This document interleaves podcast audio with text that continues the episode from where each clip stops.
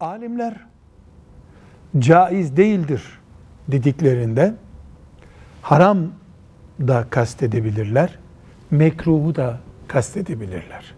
Yani caiz değildir ifadesi Müslüman için uygun değildir anlamına geliyor.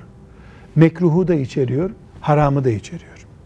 Bu haramdır dediklerinde alternatifsiz konuşuyorlar demektir. Alkol haramdır denir.